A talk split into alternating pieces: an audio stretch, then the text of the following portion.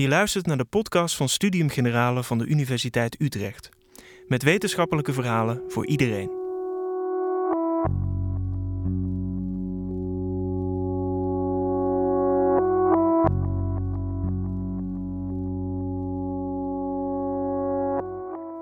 In the past few years, the public debate about the position of women in society has regained momentum. The Me Too movement has helped raise awareness of sexual violence against women, and more and more people are speaking up about the worldwide gender pay gap. Gender equality is on the map, but progress is slow.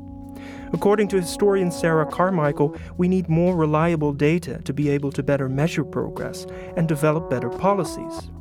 How will this help create a better future for women and girls around the world?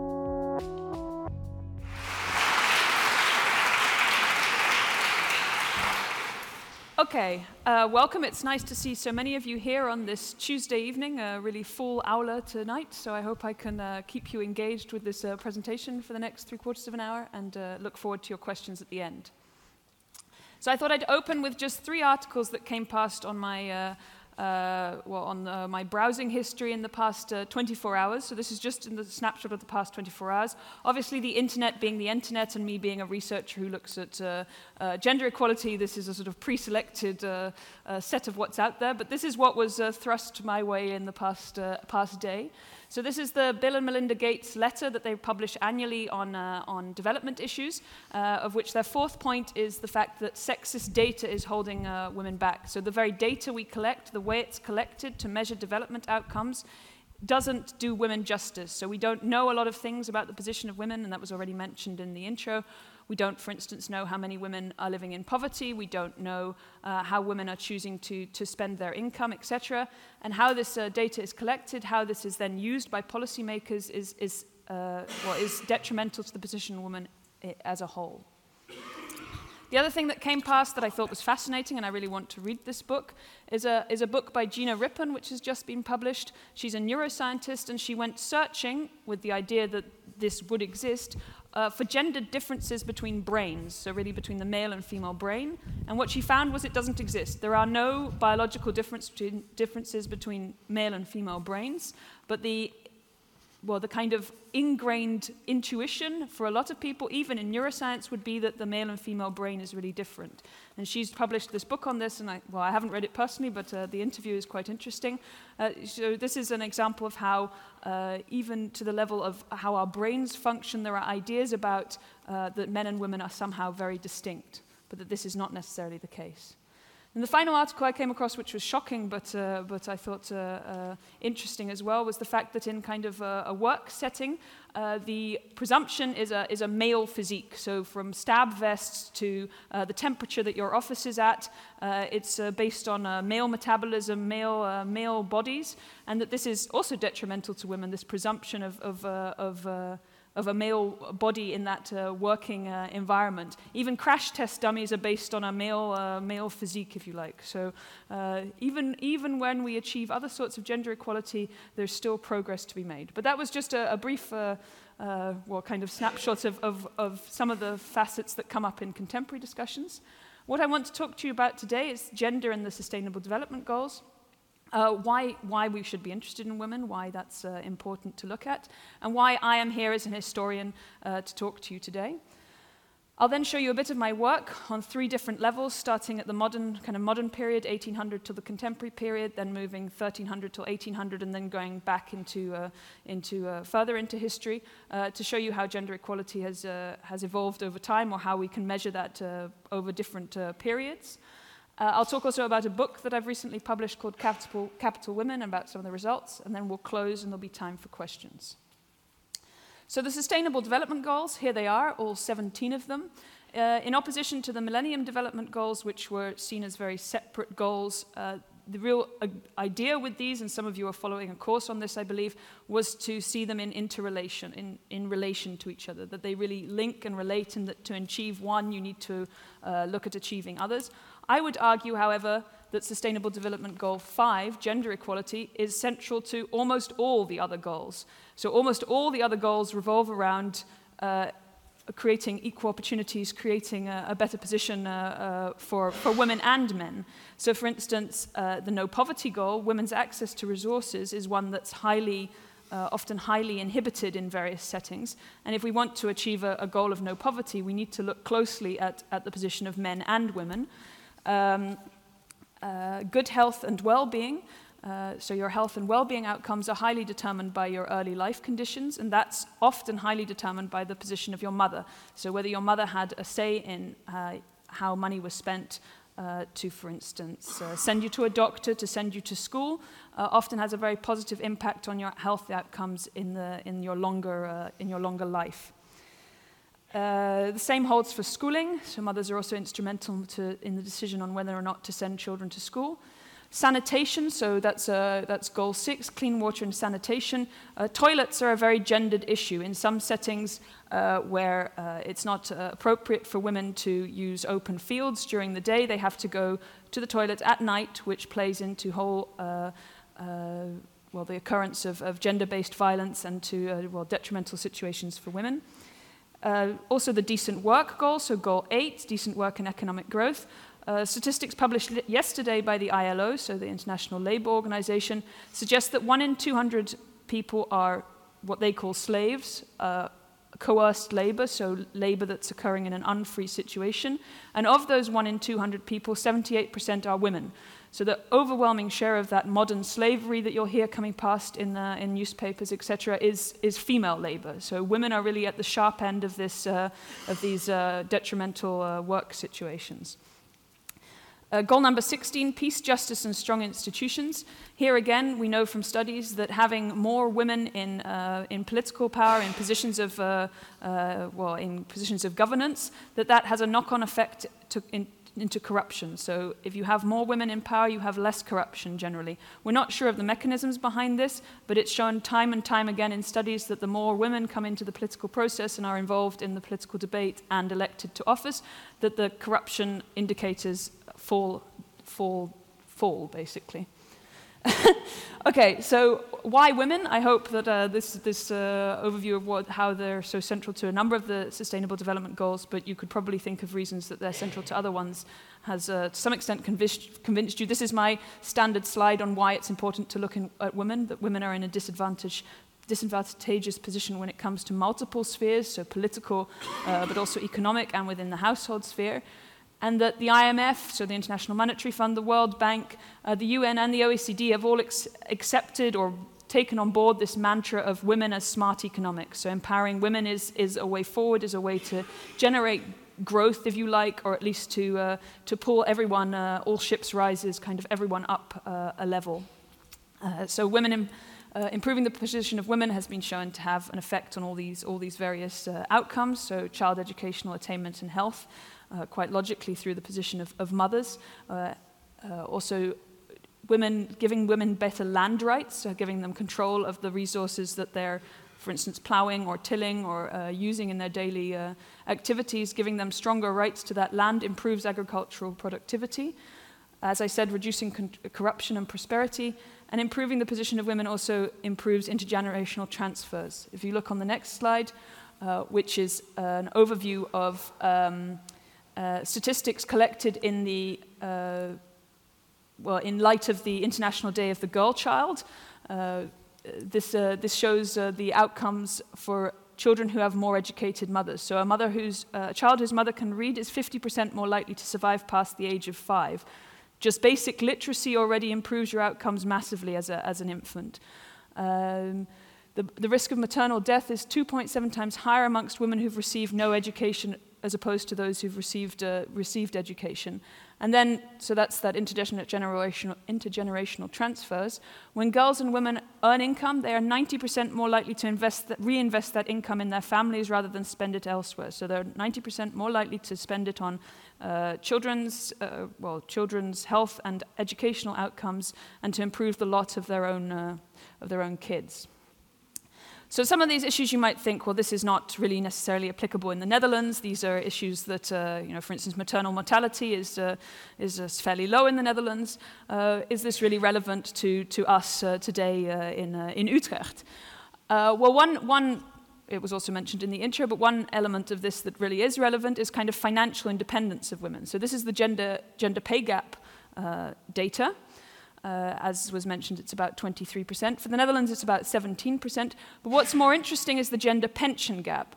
So if you look here, you'll see that for almost all countries, the gender pension gap is substantially larger than the gender pay gap. This means that women, over the course of their life, say of their lives, that that's the cumulative effect of that gender pay gap. So women being paid less than men subsequently have less in, in their pension period.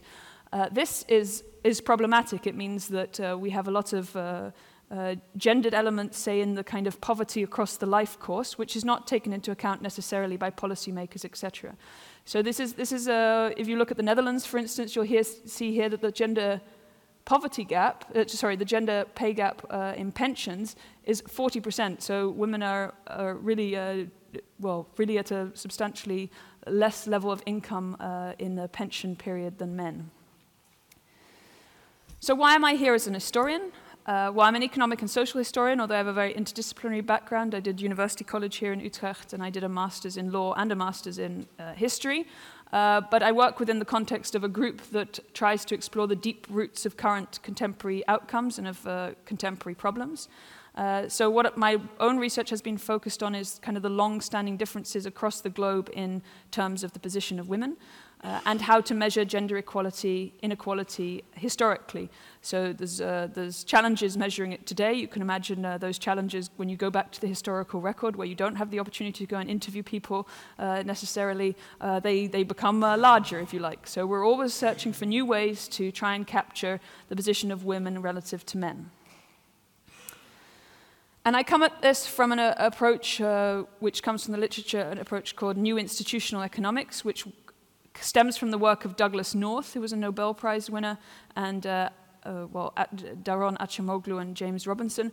They have uh, introduced into the literature this idea that uh, institutional arra arrangements, and by institutional arrangements they mean the kind of rules under which a society functions, and those could be anything. Uh, well, institutions can be a sort of black box. They can be how you organize your family, but they can be how political parties are elected. They can be uh, well, you can imagine a, a, university as an institution, but they are also uh, things around trust, around financial markets, etc. So institutions constrain the behavior of, of, the sovereign, of, the, of that, those who exercise power, uh, and can be either inclusive or they can be extractive.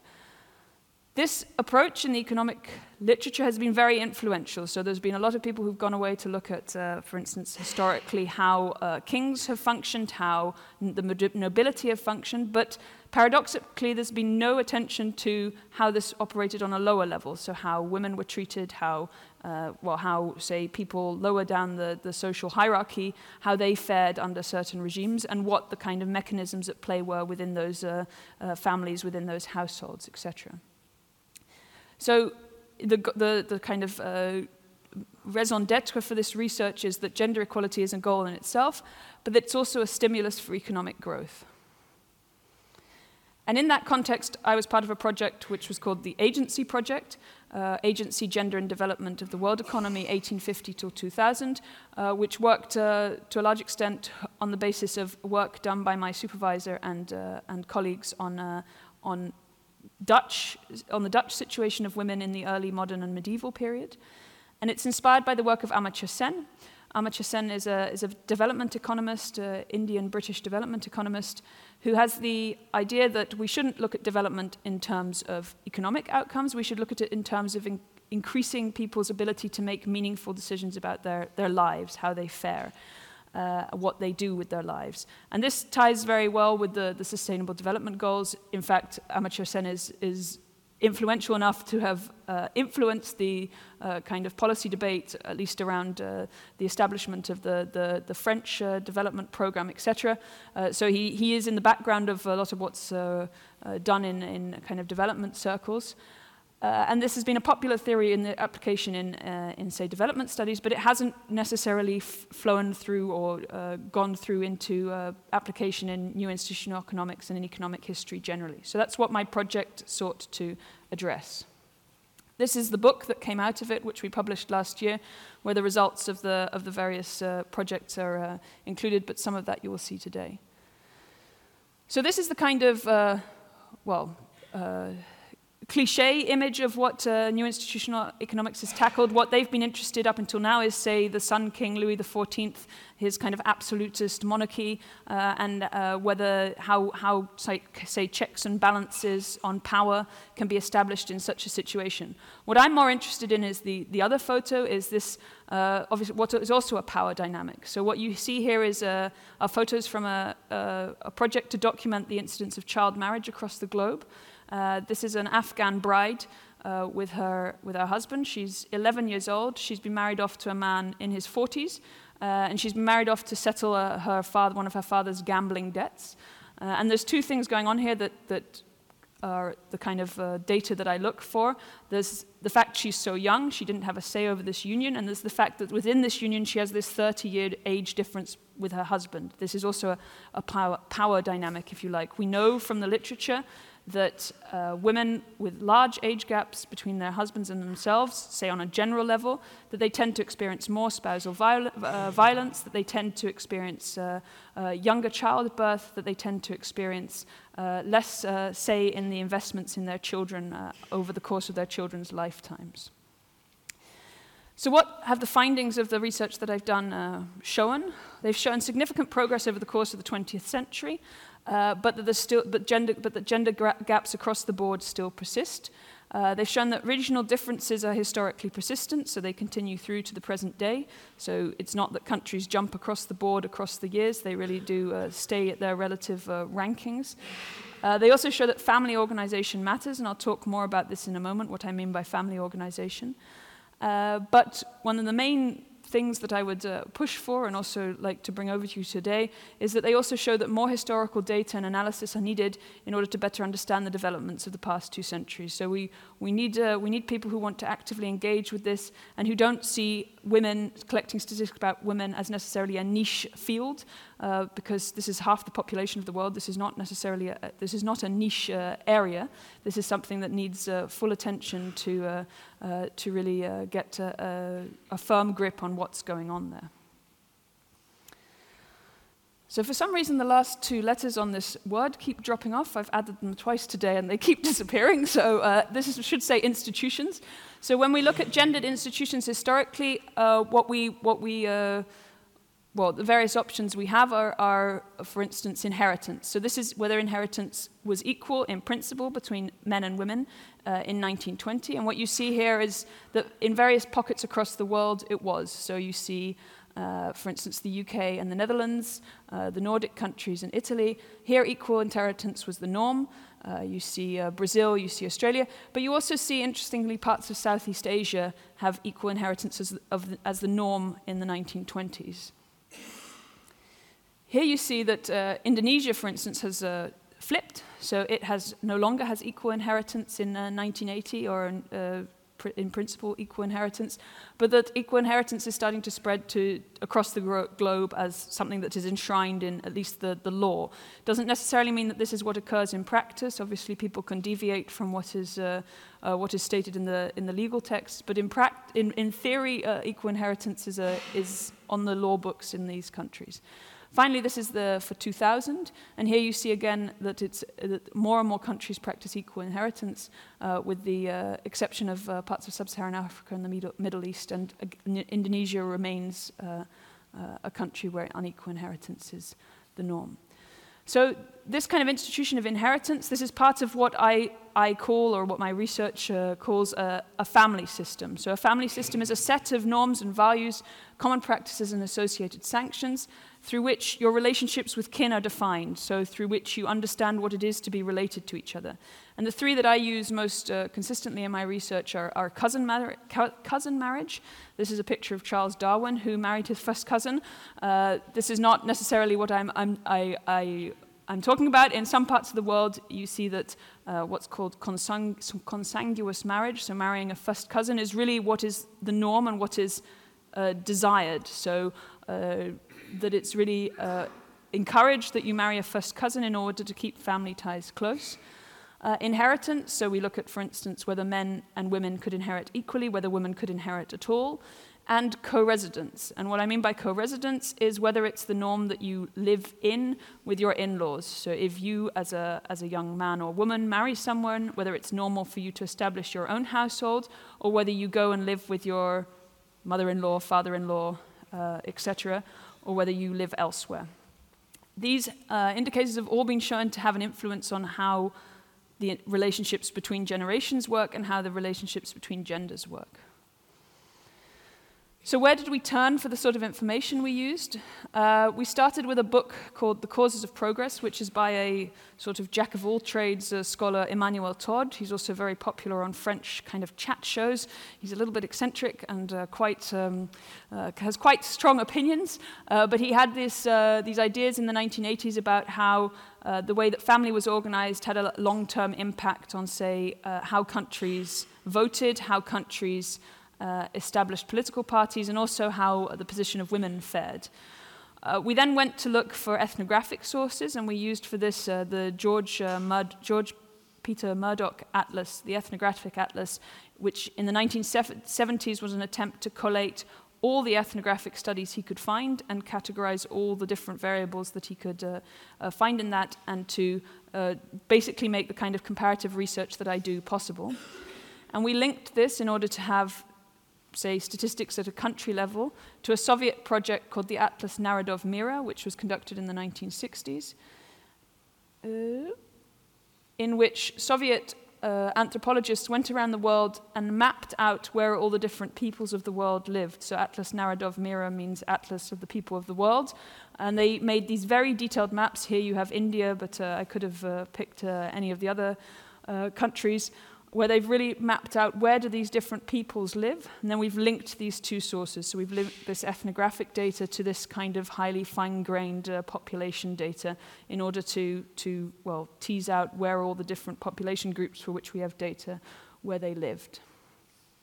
These are, these are further examples. So here you see the, say, uh, uh, Southeast Asian Peninsula and the, the various population groups there. So that's how we looked at the, the family systems, if you like. We also looked, at, we built a composite indicator, and it was mentioned in the introduction, uh, the historical gender equality index. And for that, we used various indicators. So we used various indicators that we brought together uh, to create this composite, this, this collected picture of how women are faring. Uh, so we looked, for instance, at the sex ratios uh, for 0 to 5, so for age categories 0 to 5.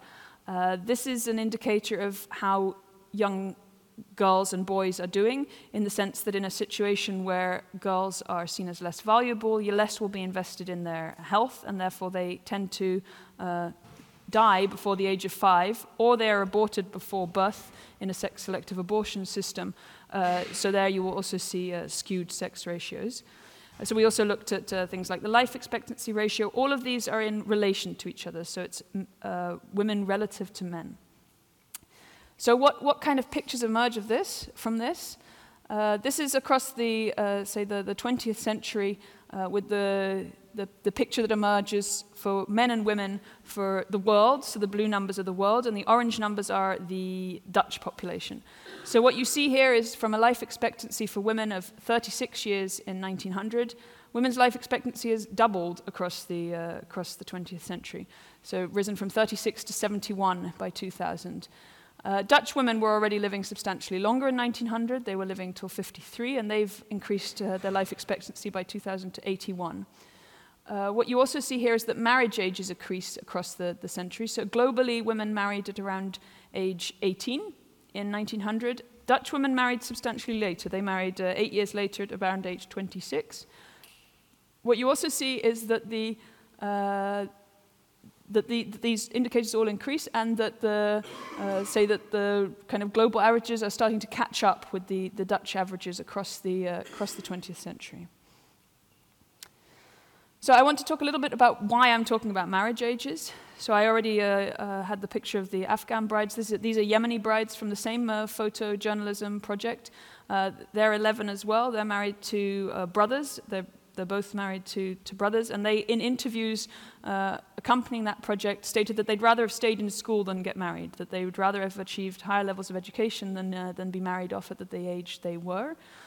Uh, So this reflects a, a certain dynamic in which uh, girls' education is cut short due to expectations of, of marriage, of, uh, of uh, well, of entering into a certain uh, relationship uh, with a with a man, but also in uh, say a sort of mature a step in what's in, in a sort of ideal of maturity that they're seen as old enough to get married, therefore they no longer need to be in school.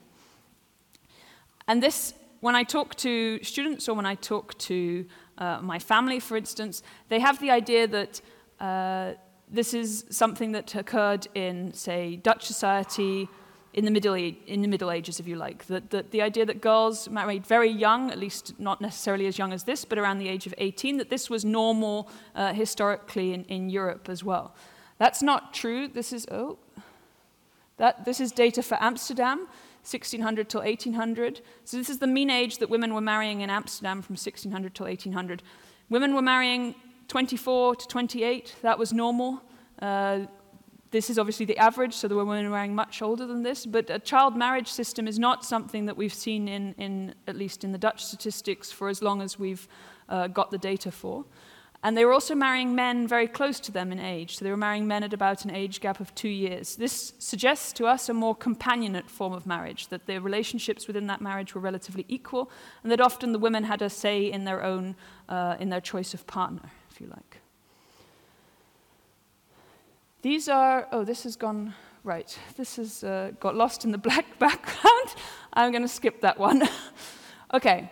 So that composite index I told you about, where we uh, use all the data together, where we bring it together to get a kind of overall picture of uh, what uh, uh of how women are faring. Is, these are the results for the composite index. So here we break it down by regions of the world, and here you see. So ideally, we say if total equality had been achieved, we would have a score of 100. No country scores or no region scores higher than 75 on this uh, on this uh, scale. Um, however, if you look at the period from 1940 till 2010, which is what this data, or 2000, which was what the data is for, you see increase across the board, more or less, with some fluctuations. But you see that, for instance, uh, the Middle East and North Africa, Southeast and Southeast Asia, that they retain their, say, uh, low, uh, low ranking in, this, uh, in, these, in these graphs, that they've made progress, but that their progress has not necessarily caught them up uh, to, the, to the rest of the world. The other interesting case to note is Eastern, uh, Eastern Europe and uh, the former Soviet Union. Here you see a big dip after the fall of the, the Berlin Wall or after the fall of communism. This is exactly because of the fall of communism, because communism or uh, many of the, the parties in power in the various uh, countries uh, implemented strategies to have women engaged more in the labor force, to have uh, women more engaged in, in politics, and this all fell away with the fall of the, of the Soviet regime. So you see here this, this dip uh, in, the, uh, in the period after communism. This is, an, uh, this is one where women really have increased uh, their uh, achievements across the board. So this is life expectancy. And in life expectancy, women have really caught up with men and in most countries surpassed men in terms of how long they live. Uh, there's arguments that this is a biological uh, norm, if you like. Elephant populations, the, the female elephants also li live longer than the male elephants. The argument being that in, uh, in certain populations, grandmothers are important to the survival of infants, and therefore it's important that uh, they, uh, they live longer, if you like. So if you see here uh, across the board, this, this measure has, uh, has reached equality and even past equality, apart from sub-Saharan Saharan Africa, where it's hanging at, at a, a level below equality. But this, the, this optimistic picture obscures a somewhat uh, less rosy picture, which is that of sex ratios. So when we look at those sex ratios from zero to five, uh, when we look at uh, how well uh, male infants are, or female infants are doing relative to male infants, the picture has, has generally worsened. Um, in one way, this is to be expected because a lot of the childhood diseases that kill infants kill men at a higher rate than uh, women. So a lot of uh, boys die off in early infancy in situations where uh, medical care is not uh, at an optimum. But if you look at East Asia, the extreme drop there is caused largely by sex selective abortion. So this is really the effect of China and India and uh, a number, a handful of other countries having the ability now to determine sex of a, of a fetus before birth and, uh, and preventing that child ever being born. So if you see Uh, if you look at this picture, say in, in, contrast to the life expectancy picture, you see a somewhat uh, less, uh, less optimistic picture, of where we're, we're going. And this ties in with, with, uh, with, with this graph, which shows the correlations between the indicators I talked about and GDP per capita. And particularly the sex ratios one, you see that as countries get richer, that correlation between uh, sex ratios and GDP per capita worsens. So as countries get richer, uh, the the, there, are fewer, there are fewer girls to boys in the population. So this is, this is a worrying development. But so that was my, uh, say, more contemporary research. Uh, other work I've done has focused on the 1300 to 1800 period. And here we've tried to find, or we've had to find even more novel ways, if you like, of looking at the position of women.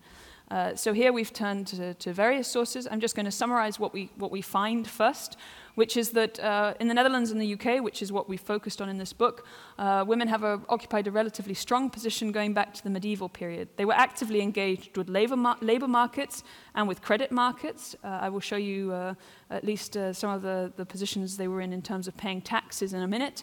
Um, and beguinages, which were a kind of uh, variant on a convent, but with a less of a, of a for life uh, element offered possibilities to remain unmarried and live in communities of women.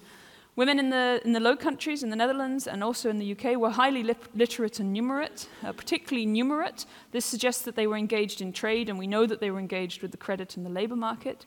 Uh, so here we see inklings of, of something other than what, uh, what maybe uh, the base uh, intuition is of, of, a large part of the, the say, the, the population, that uh, that this was a, a, society in which women really had an active role uh, and could carve out a, a position for themselves. Uh, so one of the statistics I always think is interesting because, uh, well, as economic historians, we have to find ways to massage data, if you like, or uh, ways to get out of the sources things that uh, weren't necessarily uh, the goal of that uh, data. And this is uh, one method that we use called age heaping. This is in order to capture numeracy. And uh, contemporary studies show that in, uh, in situations where numeracy is low, that people will report their ages rounded to a, to a digit in, a, say, a, uh, a decimal system. So what we operate in, uh, if you were not so numerate, you would either round to a, a, a zero or a five. So for many of you in that room, in the room, that would be, say, well, I'm going to guess now, but say 20 or 25, uh, 30, 35, etc., uh, you would round to the nearest uh, uh, 5 or 10 number. In other, in other, say, cultures, there are other numbers that are fortuitous to round to, and you can take account of that. Uh, so a score of 100 basically would uh, mean that there's no age heaping. What we see here is the, ma- the main thing we see here is that men and women are heaping similar, in a similar way, which suggests that male and female numeracy is similar. And so women and men have similar levels of engagement with, uh, with numerical uh, data, with numerical, with numbers in general. And also, compared to, say, a developing country context in the contemporary period, these are low. So what we see in, say, populations with low numeracy now is age heaping of, of 200, etc. This scale goes up to 140. So this is relatively low uh, levels of age heaping in the period uh, uh, 1600 to 1800. And one of the ways, and I think this is a, a fascinating uh, uh, way of, of, of, finding this data, one of the ways that this data was collected was looking at what are known as aetatis suae portraits, which were very very popular, very trendy in 1500 to 1700. Uh, people would have their portrait painted and they would record by their face the year and their age. And we have hundreds of these portraits, and from these we can devise, devise a, a, data set uh, where we have uh, male and female ages and, uh, and the year that they were painted. Uh, obviously, this is a quite affluent part of the population because they could afford to have their, their paint, portraits painted. Other ways we can uh, access this data or collect this data is, for instance, from marriage records, etc., and that's the more general way of doing it. But this is one way that in the book uh, a, a look is taken at this. So in one part of the book, we wanted to look at uh, how female headed households, so households in which the woman was, uh, was in charge of the resources, were faring relative to, to male households. And uh, this data is for Edam, so just outside Amsterdam, uh, and the surrounding uh, countryside. And one way that you can look at how men and women are faring are in terms of the possessions that they have in their households. And for this period, so for 1462 to 1563, one of the most important things you could have in your household was a bed. So this, this shows the average numbers of beds per household for male and female household heads. And what you see here is that uh, well, in a contemporary situation, for instance, female headed households are often substantially poorer than male headed households. Often, female headed households are headed by widowers or uh, those who have, uh, have uh, experienced divorce, and we, we know from the literature that they often are, are poorer or less affluent than, uh, than uh, joint headed households or male headed households. This doesn't seem to hold necessarily. They have slightly fewer beds, but not dramatically fewer beds. And we can go to the next slide, which shows what tax categories they were falling into. And we see at the beginning of the period that uh, a slightly larger percentage are falling into that lowest tax category. But by the end of the period, it's more or less equal. So if you look at 1563 and the tax category up to uh, uh, from 0 to 0.99, you'll see that about 73% of both groups is falling into that lowest category. So Female-headed households, they weren't affluent by any means, but they weren't uh, much poorer than the male-headed households in the same, uh, same region. And uh, the, other, the other group I love in this research are the Beguines, who uh, were women who lived together in, in, uh, in medieval and early modern towns. There was a Beguinage in Utrecht, the Wijde Begijnenstraat, on which is a side, street of the, side street of the Voorstraat, is where it used to be. There's not much left of the, of the Beguinage, uh, but if you go to Ghent, for instance, you can stay uh, on the former Begijnhof, the former uh, Beguinage. Uh, Beguines they lived together, they, they worked together, and they could also uh, work outside the Beguinage in order to draw in uh, additional income. They made the choice to be there, and they could also choose to leave again. So, unlike a convent where there was a kind of commitment for life, Beguines had the option to, uh, to depart again uh, uh, later in their life course. So, this offered a, a, kind of outlet for women who did not want to necessarily uh, be tied down by marriage or, or live with their families to, to live elsewhere within, within early modern and medieval cities. Uh, about 10%, 10 to 15% of women in, say, the Netherlands and, and, the UK, the area I'm talking about, remain single across their life courses. That was a pretty normal thing to do uh, for, for Dutch and, and, British women. That's not true in the rest of the world, even till to, to the day. Uh, you see marriage statistics are up to 98, 99% is, is the norm across, the, across large parts of the rest of the globe. So uh, that, uh, say, full life course of, of of not uh, necessarily engaging with a marriage market, that's, uh, that's absolutely normal and has been normal for a long time in, in the, the Dutch setting. Okay, so then from there, uh, one thing that we've tried to do is push back further in time. And by further in time, I don't just mean back a little bit. We've gone back to the Neolithic Revolution and uh, try, to, uh, uh, try to look at uh, how the Neolithic Revolution impacted on the position of women. So the family systems uh, outcomes I were talking about there they're not things that change quickly. So even if uh, societies develop, generally the way, the ideal way that your family functions is something that people across generations retain. Uh, so what we wanted to look at is whether there's a geographic explanation for the spread of certain family outcomes. So this is, for instance, monogamy. Large parts of the world practice monogamy, but large parts of the world don't. And here we see the distribution of that across the globe. We see uh, a large part of Eurasia uh, practicing monogamy and large parts of Eurasia practicing uh, polygamy. Uh, we also see an exception in the form of Burma, Sri Lanka, and Ethiopia within their, the, within their geographic range. And then this is the domestic organization. So this is that co-residence I was talking about. So what we see here is, for instance, the Netherlands, the UK, France, Spain, the yellow. That's all nuclear family. That's, that's uh, a norm by which uh, married children establish their own household. That goes back a long way in history. They establish their own household, they uh, reside independently from their parents. The purple is these joint households where multiple generations uh, of generally brothers bring their brides into their uh, parents' households and they co reside across their life, life course. They have their children within the context of those houses. And the, the, the green is that one, one sibling remains at home with their bride or uh, husband, but generally bride. Uh, so in that, in that situation, the eldest or the youngest uh, child uh, brings their, uh, their bride or husband into the household and uh, lives in that household across their life course. So here again, we see a, a, a kind of mass of, of purple in the middle of the Eurasian continent, and then pockets of different types of behavior around the outskirts, around the edges of the Eurasian continent. So what we tried to do was bring all these different features together into a sort of composite index. We used multiple different indicators of the position of women in, within their family context uh, for this indicator, and to, to kind of get a, an overall sense of uh, how, uh, how women are faring within the, the say, the, well, what we call the female friendliness of their, of their family uh, institutions. And here again, we see this, this picture of uh, of around the edges of Eurasia, uh, different patterns occurring than, uh, than in the center, if you like. Uh, Russia is obviously uh, a large landmass on this uh, picture, so it dominates a little bit the, the visual impression. but if you, if you break it down also to a, a sub-national level, we see these patterns emerging with particularly uh, say, throughout parts of Asia and Africa, uh, quite uh, detrimental family institutions for the position of women. And so we try and test whether these patterns determine outcomes today. We use for this uh, data from the World Values Survey. And in the World Values Survey, they attempt to, to measure things like uh, is there a positive attitude to single mothers? Uh, are women accepted in positions of power? They ask questions like if there was an economic crisis, would men would men's jobs be a priority or would women also be allowed to, uh, to compete for those jobs?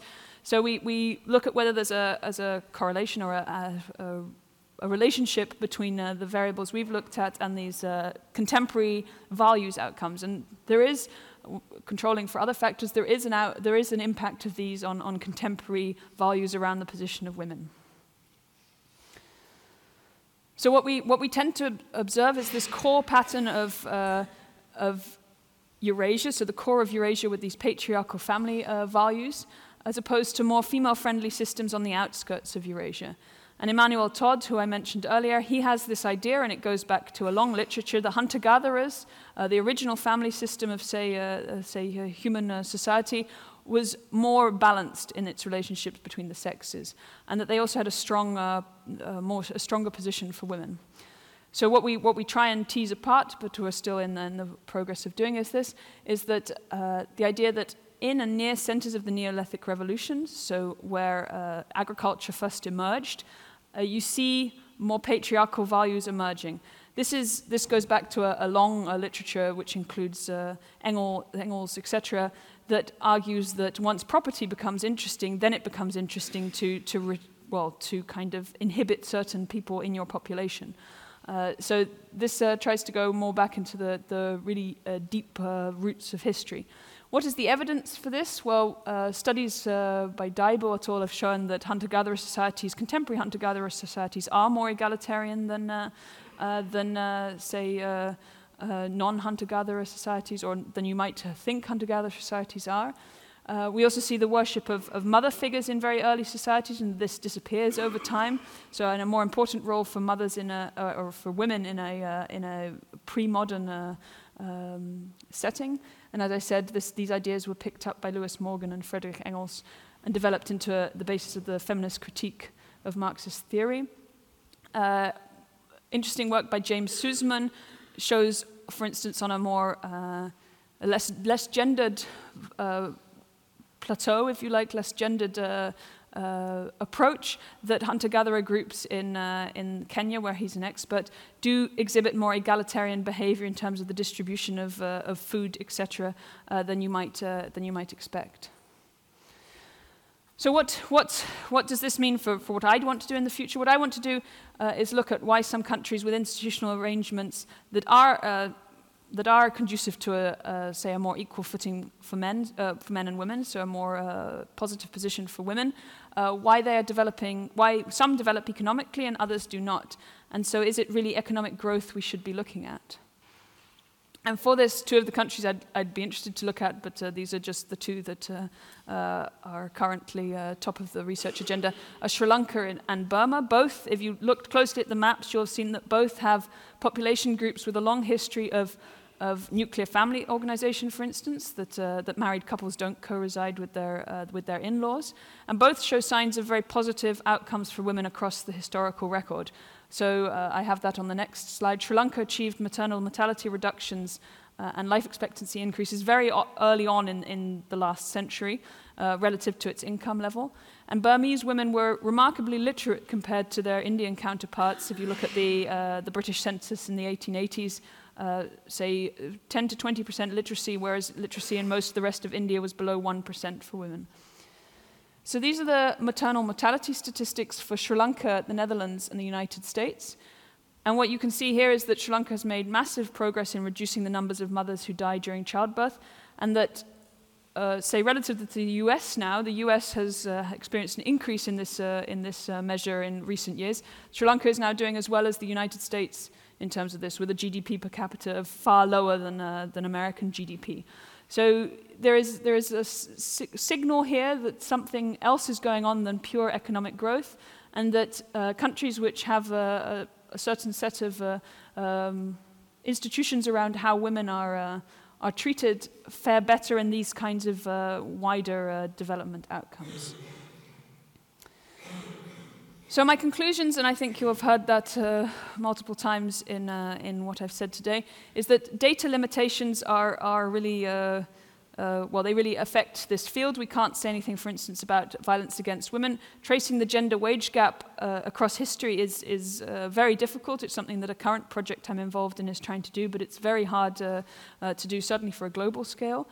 Um, so the sex ratios data I showed you, ideally we would have this in a different age range to compare to contemporary data and also to really capture the issue of uh, infanticide, so the, the, the active uh, uh, killing of female infants, but we don't uh, have that data. So much work remains to be done both in a historical and in a contemporary setting to, uh, to uh, address these data, these, say, holes in the data collection. What I really want to stress is that collecting data on this sort of thing isn't just a woman's issue, it shouldn't be considered a niche uh, a niche aspect, a niche aspect of the data collection that's only relevant for women, but that this is really important for, for capturing how all people are faring. It's important for how children are faring. It's important for, for how, well, half the population are faring, but it's not a, a niche uh, topic. And that women are of fundamental importance uh, to sustainable development, but that any policy to improve the position of women really has to take into account the context of the institutional arrangement in which they're uh, functioning. So one of my uh, favorites, or favorite, one of, one of the, the, the policies I think mo is most interesting, which has, uh, has really worked in, a, in an Indian context, uh, is this in it, Piplantri. Uh, the idea here is that for every girl born, 111 trees are planted and money is put aside in a trust fund. This is in order to pay her dowry when she gets married. So, one of the reasons female infants are less valued in certain cultures is that when they get married, a dowry has to be transferred uh, with, along with them in order to uh, uh, well, make the marriage uh, financially interesting for the, uh, uh, for the groom. And uh, the, a father of a, of a young girl who died uh, due to, uh, well, uh, she died, and in her name, he set up this, this say, this policy within this village, and he was the head of the village council, so he could really push it through, by which uh, girls on the, when girls are born, uh, trust is set aside with money. These trees are planted, and the crops of these trees are used in order to increase that trust fund. And the parents sign a contract in which they state that she will not marry until she's 18 and she will receive education, and that the trees will be cared for. This, this has been remarkably successful. Uh, the, the levels of female infanticide and the sex ratios in this village have really, uh, uh, well, improved dramatically. And this shows how you can't just from the top say, we're going to do this and try and project that onto a whole society. You really have to look at what the institutions are, why, why women are being uh, treated detrimentally, what the kind of um, relationships are between people, and try and find, I would say, uh, tailor made solutions to the problems in, in certain countries. So, this I find a very interesting example of, of one that's really come bottom up and uh, functioned uh, very well. And I just want to leave you with these uh, three quotes. So the first is The Economist with the, uh, the kind of idea of, uh, of women as smart economics. Forget China, India, and internet. Economic growth is driven by women.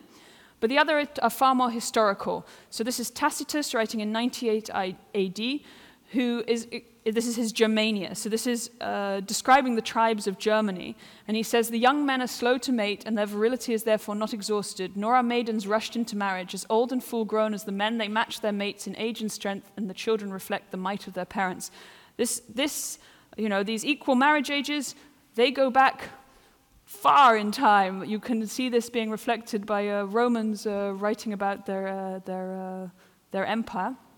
The last bit of this quote has fallen away, uh, but this is a, a, a traveler to Burma in the uh, late 19th century who who really sees these, these, these women in Burma in opposition to the women in India. So he records that utterly unlike their, uh, their miserable uh, sisters across the border, these Burmese women enjoy absolute liberty.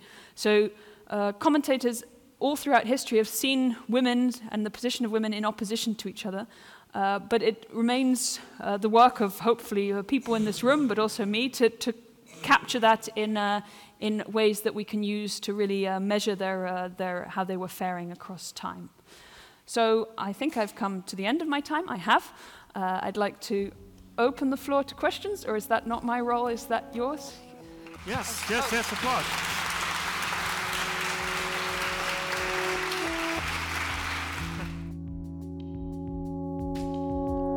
Dit was de podcast van Studium Generale van de Universiteit Utrecht. Wil je meer lezingen luisteren? Check dan de playlist op Spotify en iTunes. Of ga naar onze website sg.uu.nl/podcast.